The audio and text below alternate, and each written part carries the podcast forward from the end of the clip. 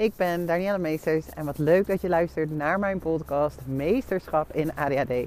De podcast voor ambitieuze mensen die voelen dat het ook anders kan omgaan met je ADHD. En daarmee bedoel ik vanuit mogelijkheden. Wat kan er allemaal wel en hoe kun jij jouw ADHD zelfs inzetten als je kracht? Hoi lieve luisteraar, wat super tof dat je weer luistert. Uh, vandaag in deze aflevering wil ik het met je hebben over de feestdagen. En hoe de feestdagen te overleven in bepaalde situaties waarin je je misschien wel herkent, waar je uh, nou ja, misschien bepaalde spanning voelt. Um, om een langere tijd met familie te zijn of met schoonfamilie te zijn. En dit zal gelukkig niet voor iedereen zo zijn. Maar ik denk nou ja, dat er zeker wel wat mensen zullen zijn die een bepaalde spanning voelen. Die er niet per se heel veel zin in hebben. Die bang zijn voor conflicten, voor situaties. Um, het is in ieder geval waar ik net mijn coachsessie eindigde hierover. En waarvan ik meteen tegen ze zei: Oh, ik ga je een aflevering over opnemen. Want ik ga.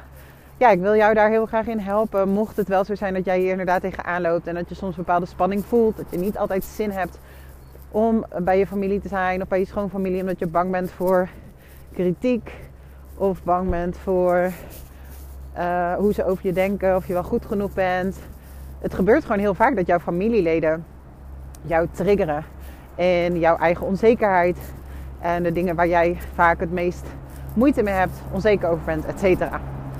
Dus daar gaan we het zo over hebben. En voordat ik start wil ik toch wel eventjes delen. ik ben zo blij en zo trots en zo dankbaar uh, met het werk wat ik mag doen. Ik uh, heb net weer een traject met iemand afgesloten, een individueel traject. Dus het is een uh, individueel drie maanden traject en uh, in de laatste sessies, de ene laatste op de laatste sessie, doe ik altijd even een oefening om te reflecteren op de stappen die je hebt gezet. Omdat het ook gewoon heel fijn is dat je de tools die je hebt geleerd gedurende het traject, om die allemaal weer eventjes op een rijtje te zetten en te herhalen. Omdat ze je ook heel erg gaan dienen voor wanneer je voelt dat je weer terugvalt in bepaalde patronen. Dat je ze er altijd even bij kan pakken. En dat je gewoon heel erg het inzicht krijgt in wat je nou eigenlijk allemaal gedaan hebt. Want heel vaak zijn eigenlijk 99% van de tijd zijn mensen veel verder dan ze dachten dat ze waren. Hebben ze veel meer stappen gezet dan ze dachten dat ze waren. Omdat ik gewoon zie dat mijn cliënten altijd heel streng zijn voor zichzelf, de lat heel erg hoog leggen voor zichzelf. En ergens dus die overtuiging hebben van het is niet goed genoeg. En dan, dit gebeurt sowieso altijd in een traject. Of je nou een groepsprogramma doet of een individueel traject. Of het nou bij mij is of bij een andere coach. Je gaat altijd een punt krijgen waarop je merkt... Hmm, is dit nou wel het juiste? Geeft, levert me nou echt op wat ik graag had gewild? Je gaat altijd een beetje op een punt staan waar je een beetje um, de verwarring gaat voelen. En uh, dit hoort bij verandering, dus dat hoort ook bij het proces. En uh, zo was dat eigenlijk ook bij deze coachie. Maar we hebben vandaag gereflecteerd en oh my god, ze werd gewoon helemaal emotioneel aan het einde. Omdat ze het zo mooi vond om zich te realiseren welke stappen ze heeft gezegd. En eigenlijk zo trots op zichzelf kon zijn dat ze bijna niet kon geloven dat ze drie maanden geleden op het punt stond waar ze toen stond. En had ze toen echt niet.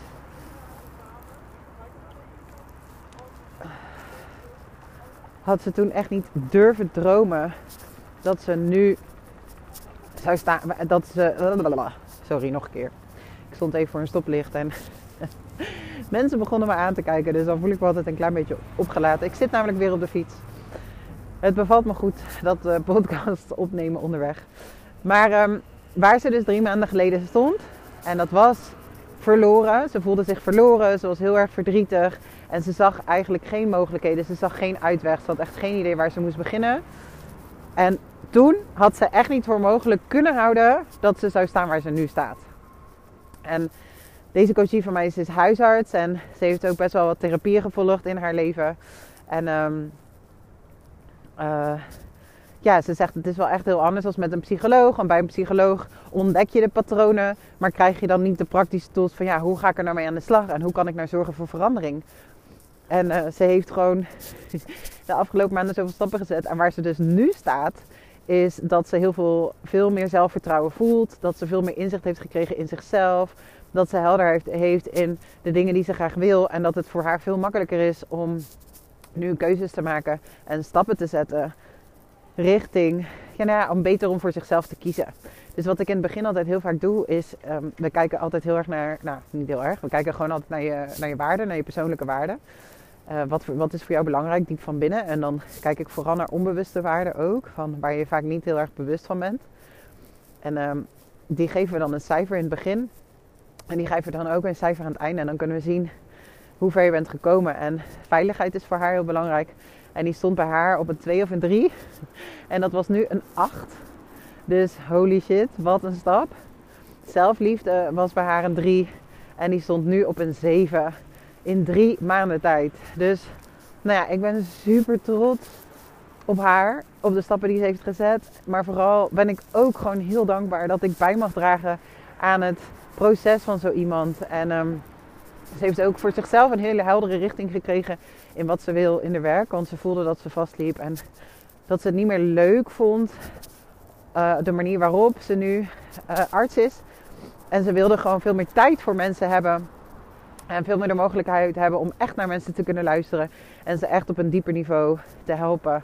En uh, nou ja, voor haar heeft ze nu de keuze gemaakt dat ze meer richting bedrijfsarts wil. En dat past echt helemaal in het plaatje. Dus vandaag hebben we uh, haar missie heel duidelijk gekregen. Haar passie, haar roeping, haar beroep. En uh, het, het, viel allemaal samen op het einde.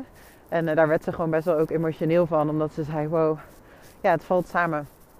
En ik ben zo blij met deze inzichten. En nou ja, ze gaat waarschijnlijk ook nog een verlenging doen. Omdat ze voelt van, ja, oké, nu heb ik alle inzichten. En het voelt allemaal heel goed. Maar ik wil het nu ook echt verduurzamen. En mezelf ook echt leren dragen. En dat is iets wat ik nu ook veel meer in mijn coach aan het toepassen ben. Veel mensen voelen van oké, fantastisch en nu wil ik graag next level. En uh, nou, die transformatie heb ik zelf de afgelopen jaren mogen doormaken. Dus daar ben ik ook dat steeds meer aan toepassen in mijn coaching. Dus ik voel zelf mezelf ook best wel heel erg excited over hoe dingen voor mij ook weer samenvallen. En ook weer helemaal kloppend zijn uh, in mijn coaching. En dat wilde ik gewoon heel graag even delen. Omdat ik één helemaal in die emotie zit en helemaal blij ben daarbij. En uh, ook twee, omdat ik heel graag met je wil delen wat er allemaal mogelijk kan zijn in drie maanden. En uh, dit is dan een individueel traject. Dus mocht je daar interesse in hebben, mocht je denken, oh eigenlijk wil ik dat wel graag een keer met je, of ik ben daar heel erg benieuwd naar, voel je dan vrij om een uh, kennismakingsgesprek in te plannen. Dat kan je doen via de link in de show notes. Maar het groepsprogramma Waar ik je eigenlijk de vorige aflevering ook al over heb meegenomen. Het groepsprogramma is ook echt wel heel waardevol. En de toegevoegde waarde van het groepsprogramma is de groep. En mensen onderschatten dat vaak.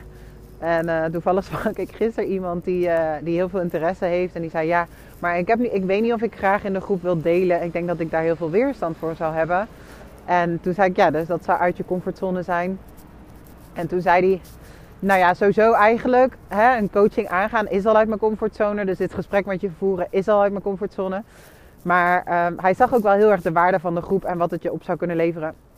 Wat ik ook heel erg zie is dat je elkaar daar gewoon heel erg in kan inspireren en motiveren.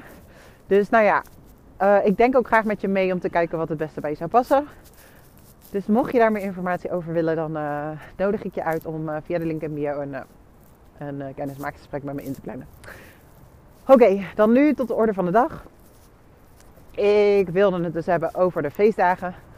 En nou ja, hoe dat dus voor sommige mensen moeilijk is. En nou, ik zal maar ook het voorbeeld nemen van deze coachie. Die voelde dat ze uh, bang is voor kritiek. Omdat ze dus ook veranderingen doorvoert. Omdat ze veranderingen aangaat in haar carrière.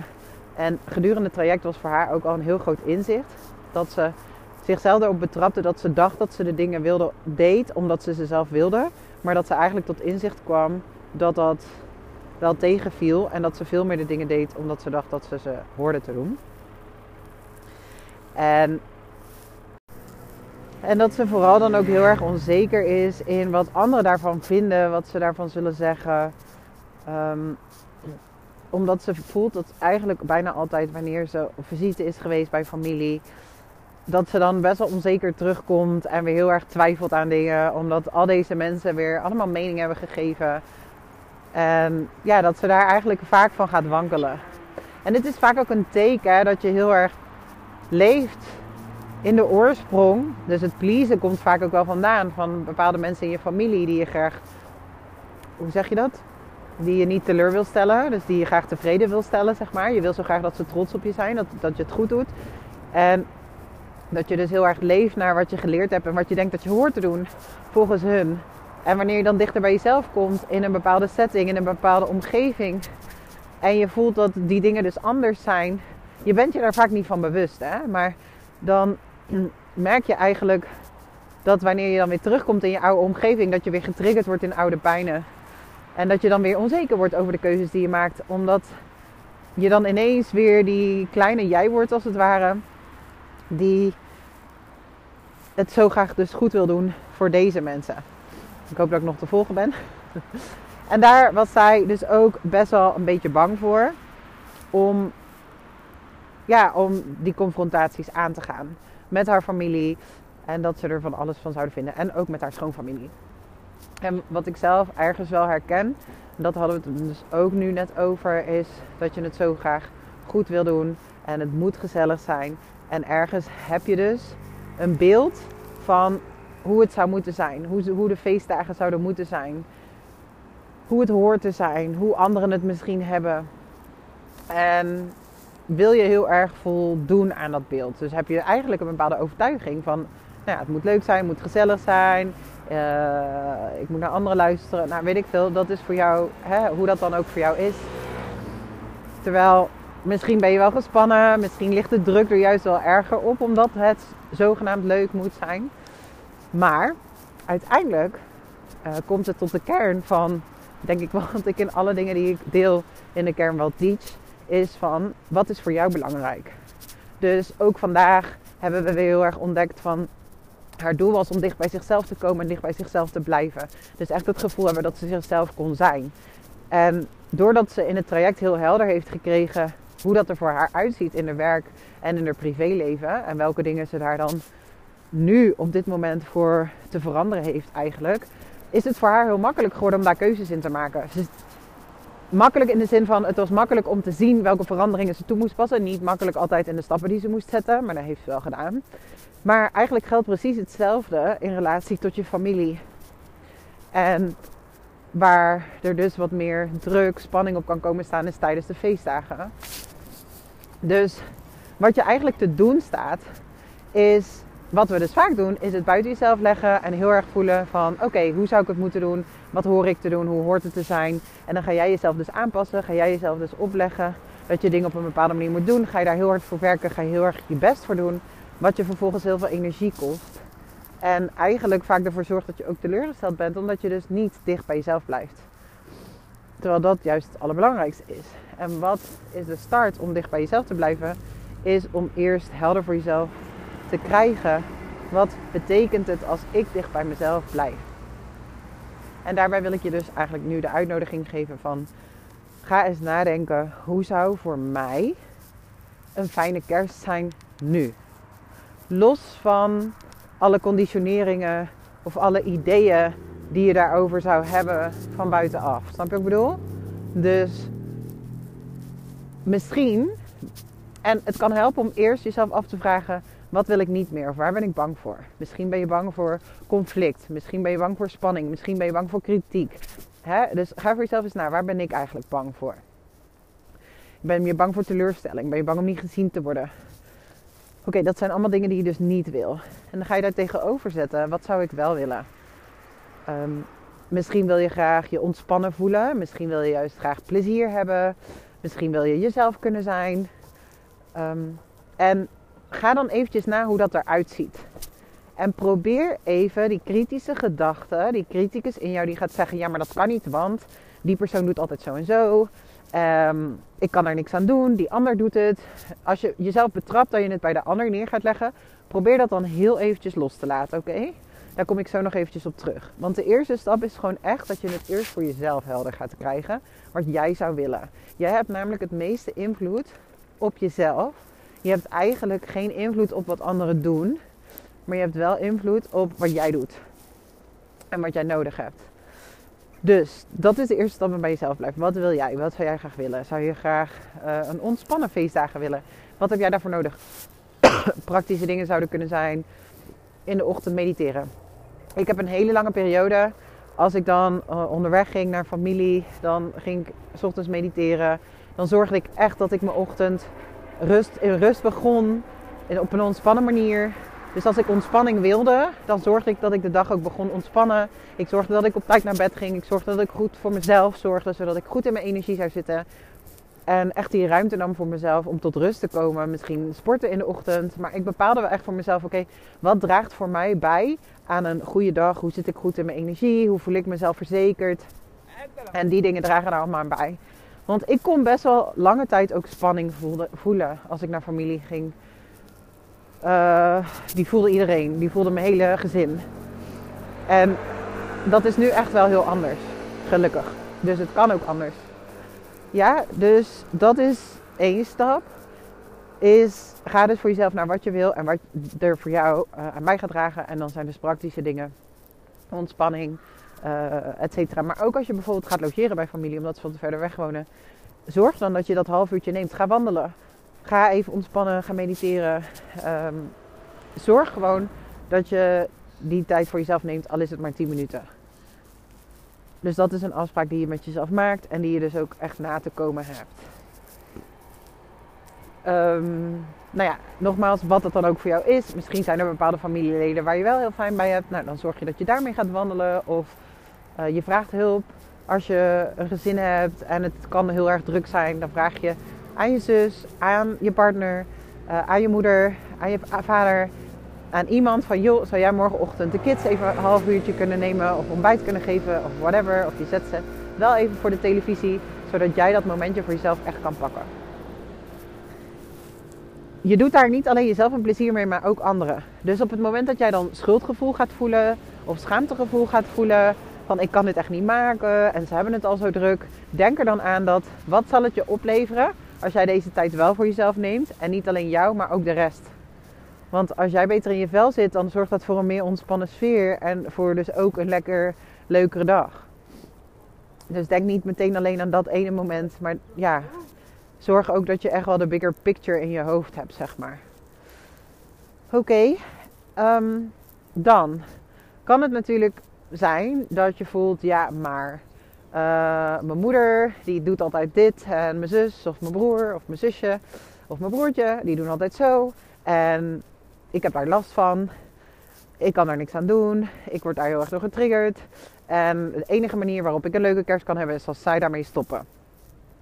Je gaat het waarschijnlijk niet heel leuk vinden wat ik je nu ga vertellen. Maar dat is vanuit een slachtofferrol. Een slachtoffer voelt zich machteloos. Een slachtoffer heeft het idee dat hij nergens iets aan kan doen. En dat hij geen keuze heeft. En een slachtoffer die gaat heel erg ergens naartoe vanuit ja, ik moet. Want het is kerst en het moet gezellig zijn. En ik moet er naartoe. Ik moet erbij zijn. Et cetera, et cetera. Dat is heel erg een slachtoffermentaliteit. En I feel you. Want ik geloof ook echt dat het zo kan voelen voor jou. Alleen deze mentaliteit gaat jou niet helpen. Gaat het niet veranderen. Sterker nog, het maakt het vaak anders. Want zoals ik, of anders, het maakt het vaak erger. Want hoe meer jij gelooft, ik zeg altijd wat je gelooft is waar, maar ook wat je aandacht heeft groeit. Dus hoe meer jij gelooft in dat het allemaal moet en dat je geen keuze hebt, hoe meer dat zich uiteindelijk ook gaat manifesteren. En hoe meer je daar ook heel erg de bevestiging van gaat zoeken. Dus die spanning wordt alleen maar erger. Je gaat dingen alleen maar, gaat zich alleen maar daarop stapelen en je komt echt in een negatieve spiraal terecht. Dus probeer daar echt van weg te blijven. En de eerste stap is bewustwording. Hè? En dit is echt geen makkelijke bewustwording. Is dat je echt ook toe kunt geven aan jezelf van... Oh ja, ik zit nu wel een beetje in een slachtoffermentaliteit. En dat wil ik niet meer. En dat je er bewust voor kiest, ik wil daaruit. En dat je dingen daar dus anders in gaat doen. En dat je dus de verantwoordelijkheid neemt. En de verantwoordelijkheid nemen voor jezelf. Je hebt geen invloed op. Uh, je moeder is vast ook gespannen. Uh, iedereen heeft zijn eigen redenen om, om, gespannen te zijn. Je vader, je zus, je broer. Um, dat is hun pakje aan en dat is hun verantwoordelijkheid om die te nemen. Maar hoe meer jij de verantwoordelijkheid neemt voor jezelf, hoe meer je daar uiteindelijk ook anderen in kan helpen. En dan zeg ik niet mee dat je heel bewust anderen moet gaan helpen. Of misschien denk je nu zelfs van ja, het komt dan ook altijd op mij neer. Ik moet altijd de sterkste zijn. Dit is eigenlijk ook weer de slachtofferschap. Je hoeft niks. Dus als jouw intentie is, ik ga dit jaar gewoon eens ontspannen en wat meer achteroverleunen, want dat helpt mij, dan mag je dat doen. Ehm, maar het gaat om dat je jezelf toestaat om naar jezelf te luisteren. Want als jij het gevoel hebt dat je bijvoorbeeld nooit gehoord wordt tijdens de feestdagen of tijdens verjaardagen of bij familie, dan is dat vaak een spiegel. En dan is mijn vraag aan jou: hoor jij jezelf? Luister jij naar jezelf? Neem jij de ruimte om te horen wat jij nodig hebt? Oké, ehm, dus dat. Ik hoop dat je hier iets mee kan. En dat het sowieso bijdraagt aan uh, een fijnere kerst voor jou. Want dat is absoluut mijn bedoeling. En um, ja, dan wens ik je een hele, hele, hele fijne feestdagen. Um, en mocht je vragen hebben of iets anders, informatie willen over de coaching of de programma's die ik allemaal heb benoemd, dan uh, weet je natuurlijk waar je mij een berichtje op kan sturen. Danielle Meesters via Instagram of danielle.vivecoaching.nl Liefs en tot de volgende keer.